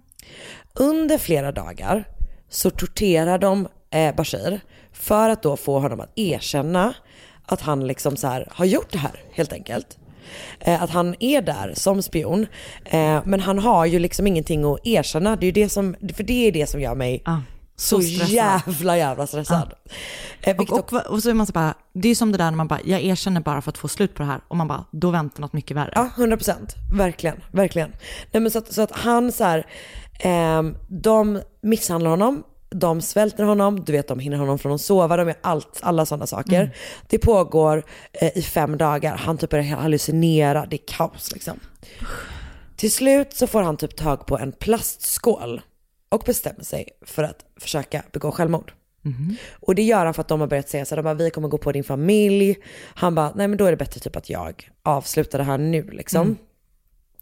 Han börjar försöka använda den för att få upp ett liksom, litet sår på handleden. Oh, och sen gör han en grej, varning, för det här är verkligen, Okej. alltså han eh, alltså börjar bita upp. Nej, nej. Vi, ni fattar, jag slutar där. Och han blöder så mycket att kidnapparna, det här är också lite konstigt, men jag antar att det är för att de misstänker att, han, att de har fått fel kille. De bestämmer sig för att köra honom till sjukhuset. Ja, okej. Och med hjälp av en läkare där så blir han fri. Mhm. Men du vet, fattar du vilken grov jävla PTSD han måste ha? Alltså- Och han, han har också en känsla av eh, redan då att han misstänker att folk tror att det här kan vara sant. Ja. Så först är han kvar i Libanon i typ flera månader och försöker liksom bara få folk runt honom att förstå att han inte typ är en svikare, att han inte är en spion, att han inte är sådär liksom. Men till slut så åker han hem till USA och börjar jobba på en nordafrikansk restaurang på Sunset Boulevard. Mhm. Jag antar att det här är därför de Blir sen Marrakesh, öppnar en. Marrakesh-restaurang typ. Ehm, så först jobbar han då i LA, sen jobbar han på någon annan i Atlantic City. Men han, så att på pappret ser det ut som att han typ klarar sig. Mm. Men han mår skitdåligt såklart. Han är liksom paranoid, eh, han är ju en person som har gått igenom en fruktansvärd upplevelse och fattar du hur lite stöd den typen av person fick vid den tiden? Det är inte bara, här är en psykolog, du har gått igenom ett trauma, du har PTSD. Det finns ju ingenting sånt. Nej. Så att han, ehm, han skiljer sig från sin fru och hon beskriver också att han liksom börjar bli, han har jättemycket humörsvängningar, han är superparanoid, han är liksom rädd hela Alltså tiden. undra på det. Nej, exakt. Så samtidigt som att så här, hans liv rullar på, alltså de börjar öppna du vet, sina restauranger och den sen öppnar den i Washington, så mår han typ asdåligt liksom. Och han tror då att det fortfarande finns liksom grupper i Libanon som misstänker att han spionerar åt den amerikanska eller israeliska reg- regeringen. Och han känner liksom ett enormt behov av att redeem himself typ. Så när de ska öppna i Washington så tänker han att så här, det kommer liksom vara bra för då kan jag börja bygga förtroende bland typ arabiska grupper eller kanske typ så här folk som är diplomater från Mellanöstern och sådär så att de ska sluta att misstänka att jag, eh, Ja, jag är den här personen liksom. Så att han tänker att det kanske kan vara en bra grej liksom. Eh, men istället då så blir han ju terroriserad av de här telefonsamtalen. Och han blir då allt mer övertygad om att det här hänger ihop med hans kidnappning. Han tror att han har sett någonting under de här dagarna, kanske en person, ett ansikte som numera typ är aktiv i Washington politisk och som så här vill hålla honom under check liksom. Mm. Att han inte får, han ska vara rädd och inte våga säga någonting. Eh, och det som är märkligt med det här är ju så här, okej, varför terroriserar då den här personen Mm. hela hans personalstyrka och typ låter som en liten flicka? Jättekonstigt. Men vissa samtal så är, låt, tycker han också att det låter på rösten som att det är en man någonstans från Mellanöstern typ. Okej. Ehm, men rösten typ nämner så gamla vänner till honom och du vet det kan vara kontakter han inte haft på flera år. Vid något tillfälle så ristar någon Davidsstjärnor på hans Mercedes typ. Och under tre år i slutet av 80-talet så kommer alltså 7000 samtal Jävlar. från L'Enfant till Marrakesh. Och han blir ju bara, han mår ju bara sämre och sämre och sämre och sämre. Eh, och blir liksom, du vet, du fattar ju hans mående bara Ja, spirals liksom. Eh, och till slut då så börjar vid ett tillfälle Barish bil brinna oväntat. Mhm. Och när en mekaniker kollar vad som kan ha utlöst det här så slår han då fast att någon verkar ha gjort det medvetet. Nej. Och efter det så anmäler Bashir samtalen och den här händelsen till, F- eh, till polisen. Mm. Och det blir i sin tur en FBI, Mhm. ett FBI-case liksom. Han kommer också äntligen söka vård. Mm. Det är väldigt lätt att tänka att den här, hela den här historien typ är påhittad. Alltså du vet att det är hans... Det låter typ som det. Ja, att det kanske typ är hans... Att han mår så dåligt att han har föreställt sig Mm. hela den här historien. Men grejen är att FBI spelar alltså under ett och ett halvt års tid in lite drygt 3000 samtal. Jävlar. Eh, och de här samtalen kommer från telefonautomater. Olika telefonautomater. Ganska ofta utspridda, alltså, Alltså vilket engagemang. långt geografiskt. Omöjligt att bara en person Mm. hade kunnat ringa de här samtalen. För du kommer ihåg, vissa minuter är det ju två stycken typ. Så det man kommer fram till är att antingen så är det ju flera personer inblandade. Mm. Eller så är det en person som liksom har hackat telefonnätet på något sätt. Mhm. Och som kan använda sig, kopplas genom, Ja. genom de här telefonkioskerna för att ringa honom då. Gud vad läskigt. Ingen kommer någonsin gripas för de här samtalen. Fan. Bashir mår sagt bara sämre och sämre. Till slut så eh, hamnar han på liksom en psykiatrisk klinik. Mm. Han hamnar på sjukhus och bor på Sibley Hospital under minst sex år. Åh jäklar. Så fort de typ försöker skriva ut honom så kommer han typ tillbaka efter några veckor igen, typ att det inte funkar liksom. Eh, han får också samtal på sjukhuset. Nej. Och han, blir, alltså han har blivit supersjuk av den här upplevelsen Mm. och de här telefonsamtalen liksom. Men under tiden så, eh, som han är där så driver en annan person, The Marrakesh, han blir också hotad av l'enfant. Och även om då intensiteten typ avtar efter att eh, Barish, eh, Bashir har, eh, har, har hamnat på sjukhus liksom. Eh, den här snubben heter eh, Rash. Rash. Och han, när han driver, jag fattar typ inte riktigt den här grejen, men när han driver den här restaurangen så blir hans son misshandlad och dagen efter det så ringer rösten och säger typ ta på sig den grejen. Jag vet inte riktigt vad som har hänt där liksom. Men vad har man för liksom, teorier att det kan vara? Det är det som är det sjuka, att man typ verkligen, verkligen inte vet. Ja, ja, jag hatar ju det här. Jag måste få veta. Men nu är det en spökhistoria. Fast en spökhistoria som jag gillar. Fan vad läskigt. Alltså det är så fruktansvärt obehagligt. 1993 så bestämmer sig Bashir för att byta taktik. Han tänker bli väldigt publik. Innan har han ju bara varit så här, jag måste hålla låg profil för Mm. att inte bla bla bla. Men nu är han så här, nej, fuck det här. Nu ska jag eh, sätta igång med att liksom prata om det här. Ehm, han sätter in annonser i tidningar vars innehåll jag inte riktigt känner till. Men de börjar tydligen med rubriken USA! Utropstecken. Alltid bra. Sen verkar det vara en kombinerad, eh, att han liksom pratar om det här men kanske också typ pushar restaurangen, det är oklart. Eh, men det han också gör är att han ställer upp i programmet Unsolved Mysteries. Och efter att hans avsnitt Är det säsong sänds- två då eller? Nej, nej, nej, nej, nej, det här är en gammal. Jaha. Heter det för också? Jag tror fan att det heter Unsolved Det Mysteries heter med. det på Ne- Netflix. Ja men det vet jag. Ja. Men det här är en gammal grej. För det här sänds då i februari 1993. Ah, för jag tänkte att det kändes så otippat att du tog någonting som var nu. Men Ja, okej, nej. ja. Vi gör gärna inte det du och jag. Nej. Nej, efter att hans avsnitt sänds i februari 1993 så har de aldrig hört från rösten igen. Va? Karin, Inte ett du vet att jag blir galen av sånt samtal. Vad tror du har hänt då? Just, vi, vi kan prata om det. Men ehm, det här pågår alltså, har alltså pågått typ dagligen i nästan tio års tid. Det är så sjukt. Från det att man installerade den här första telefonen, vilket är någon gång 90, eh, 83, till 1993. Det är så sjukt. Alltså, det här är ett sånt fall, det är för mycket engagemang. Ska jag vara helt ärlig, när jag, läste det första var jag så här, men det här har jag han hittat på. Mm. Och det kanske fortfarande, jag vet inte, men det verkar verkligen Men inte hur vara ska så. han hittat på det om det finns allt det här dokumenterat? Ja, nej exakt, exakt. Nej, det, för det det är är att det känns ju som en sjuk anställda människas fått- vanföreställningar. Men det är ju... Men och att han hade anställda på krogen som har tagit emot samtal ja. och... Japp. Jag har inte läst några intervjuer med sådana, obs dock. Men det är liksom så, här, så det beskrivs. Ehm, och det är för högt engagemang för att det skulle vara ehm, alltså, Alltså, typ bara random. konstigt. Men det är också en väldigt märklig skrämseltaktik. Det är ju möjligtvis om man vill göra honom galen. För det kanske är det som är ändamålet. Då. Alltså det, det är det enda som är, det har de ju lyckats med.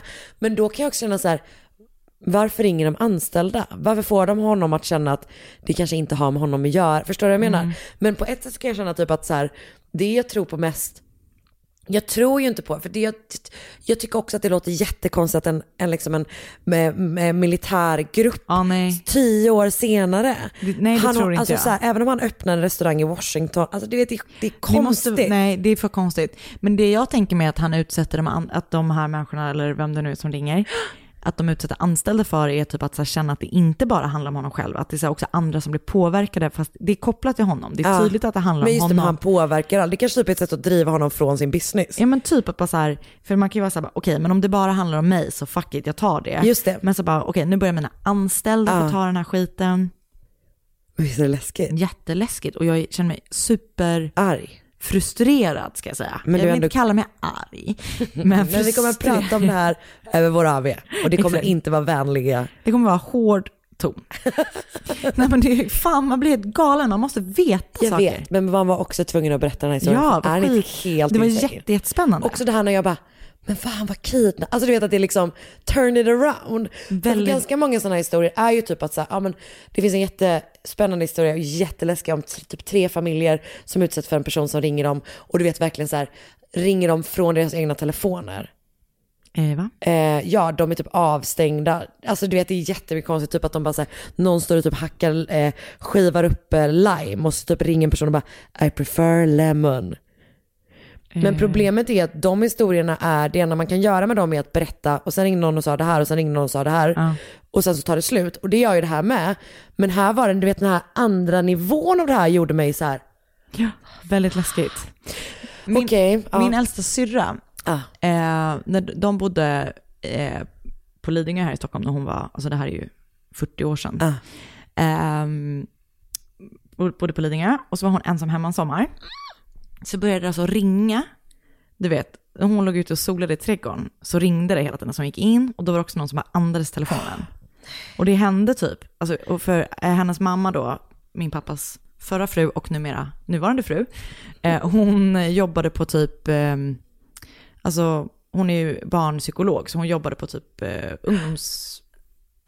Alltså på somrarna så var hon iväg med så här ungdomar typ. Eh, så hon var ensam. Och så ringde det så hela tiden. Och eh, det var någon som typ la en död fisk i brevlådan, du vet sådana grejer. Så, och en kväll så, ehm, Agneta då, min styvmamma var någonstans i nära Stockholm. Men då ringde Stina och bara, nu är det någon som rycker i dörren, du måste komma hem. Så hon typ, Agneta du vet, panik satte sig i bil och åkte hem. Sen så, efter det hände det aldrig igen. Och det var, hände ingenting den kvällen. Men alltså förstår du paniken? Jag börjar gråta nu. Mm. Det läskigaste jag har varit med om ter sig ganska tamt i jämförelse. Du var att det? jag under en period hade en person som ganska ofta ringde till mig och spelade upp en Lasse Lind-låt. Som, var, gick, som är en som går typ så här. Du behöver aldrig vara rädd. Nu blev jag jätterädd. Det var skitläskigt. Den slutade när min kompis Fanny, min argaste vän, tydligaste vän. Ja, så bra. Hon är ju vad vi brukar beskriva som eh, min Anna i Göteborg. Jag älskar det, det är den finaste beskrivningen jag någonsin fått. Eh, Hon skällde ut den personen. Så bra. Nu slutar du ringa till Karin. Då ringde den Fanny en gång och sen var det bra. Hur som helst, Marrakesh verkar ligga kvar där det låg och jag tror att det är andra delar av samma familj, alltså uh, av hans familj, som driver den. Men han är inte involverad och har inte varit det på länge. Nej. Liksom. Um, Bashir fick ut massa pengar på försäkringen eh, eftersom jag antar typ att hans arbete gjorde honom sjuk. Mm. Liksom. Eh, och jag vet inte vad han gör nu, men 2002 verkar han inte må superbra. Baserat på att han då hade fått för sig att, hör och häpna, det var då judarna som ligger bakom allt dåligt Ah. här i världen. Inklusive kidnappningen han råkade ut för 74. Så där har ju gjort en, En hela turn, vändning. Han driver då lite olika rasist, eller då gjorde han det, lite olika rasistiska och homofoba antisemitiska hemsidor. Men bestämmer sig också för att återigen uttrycka sina åsikter i tidningsannonser. Okej. Så då köper han eh, utrymme i Washington Post som delvis verkar som mark- marknadsför restaurangen The Marrakesh men också marknadsför en antisemitisk världsbild. Vilket man bara, hur ser det ut? Alltså så flummigt. Alltså jag vill så gärna se det. För att då står det till exempel då så här, här kommer ett vidrigt eh, exempel men också väldigt det är svårt att förstå, man vet bara att det är djupt antisemitiskt. Have Zionists turned Jewish beliefs into a political party in the service of hatred and greed? Och sen så bara, Eh, come by our tagine. Jag vet inte vad det är, men jag vill så gärna veta. Jag tänker att han kanske har den texten och sen så är det typ lite så här, eh, Typ en vet, bild. En bild bredvid, På- typ på restaurangen och Ja, sånt där. verkligen. På typ en som magdansare. Hamnade också på en hemsida där det var en, en kvinna som hade varit magdansös. Som bara, why it's great to work at the Marrakesh as a belly dancer. Åh gud. Hon har verkligen inte tagit tagit emot några samtal. Okej, jag har läst en LA Times, LA Times, en LA Times artikel skriven av Louis Bill med rubriken A Chain of Terror. For nearly 10 years a DC restaurateur has lived in fear, harassed by anonymous calls he thinks are linked to his 74 abduction in Beirut. Alltså sådana Ja, långa bara tidningsrubriker får man inte ha. Det är också den grejen som är så här, hade jag dragit mina källor i början så hade jag beskrivit hela min historia. För det var det han gjorde på en mening, det jag gjorde på tre sidor. Och en tråd på Trail Went Cold, som är en podcast, tror jag. Eh, Mm. det är alltså Reddit, med rubriken The Bizarre Saga of L'Enfant. Mhm. Eh, Bashir Kusha- Kushaji is tormented by, tormented by thousands of threatening anonymous calls for a decade. Jag antar att det är en podd, jag har inte lyssnat på podden, men Nej. den finns nog som det också. Och en artikel på om fallet på The Unsolved Mysteries Fandom-sida. Eh, samt en Washington, Washington Post-artikel av Lloyd Grove som handlar om de här annonserna som man satt in på slutet. Okej. Den har rubriken Trouble in Marrakesh. Bra, den var bättre. Den var mer- Kärnfull! Ja. Det är det jag gillar med de här Mm. jävla Vanity Fair-artiklarna. Mm. De har alltid så, Så bra, bra. rubriker. Mm. Och vet ni vad? Tack för denna vecka. Tack för den veckan. Vi ska säga, eh, om, man, om man vill lyssna på vår podd en dag tidigare, en dag tidigare så ska man skapa sig ett konto på Podplay. Det är fantastiskt faktiskt. Då blir, får ni mord mot mord tisdagar och onsdagar. Om man lyssnar två gånger, ja. ja. Eh, man ska alltså, vi vill vara tydliga med att det är samma avsnitt. Det är en dag tidigare bara. Exakt. Ja. Eh, man ska besöka podstore.se. Där kan man köpa vår, eh, vår traditionella merch. Japp, men också vår nydanade merch signerad Exakt. Linnea Hed. Älskar det. Eh, vad ska man mer? Man ska gå med i vår Facebookgrupp som heter podcast. Man ska önska spännande fall. Eh, gärna sånt som man inte direkt känner till. Eller, alltså vi, du måste ju känna till det. Så här, tänk så här. det. Ni vet hur mycket vi gillar det här ämnet. Ni vet hur länge vi har varit intresserade av det här. Eh, Ge oss något nytt att bita i. Alltså vi älskar när ni ger oss något nytt. Ja. Eh, och det önskafall gör man på våra Instagram där du Japp. heter eh, Karin Londre Japp. och jag heter Sandell Anna. Japp. Och ehm, Var det det eller? jag tror att det var det. Ja. Hej då! Hej! Ett poddtips från Podplay. I fallen jag aldrig glömmer djupdyker Hasse Aro i arbetet bakom några av Sveriges mest uppseendeväckande brottsutredningar. Går vi in med hemlig telefonavlyssning och, och då upplever vi att vi får en total förändring av hans beteende. Vad är det som händer nu? Vem är det som läcker? Och så säger han att jag är kriminell, jag har varit kriminell i hela mitt liv men att mörda ett barn, där går min gräns. Nya säsongen av Fallen jag aldrig glömmer på Podplay.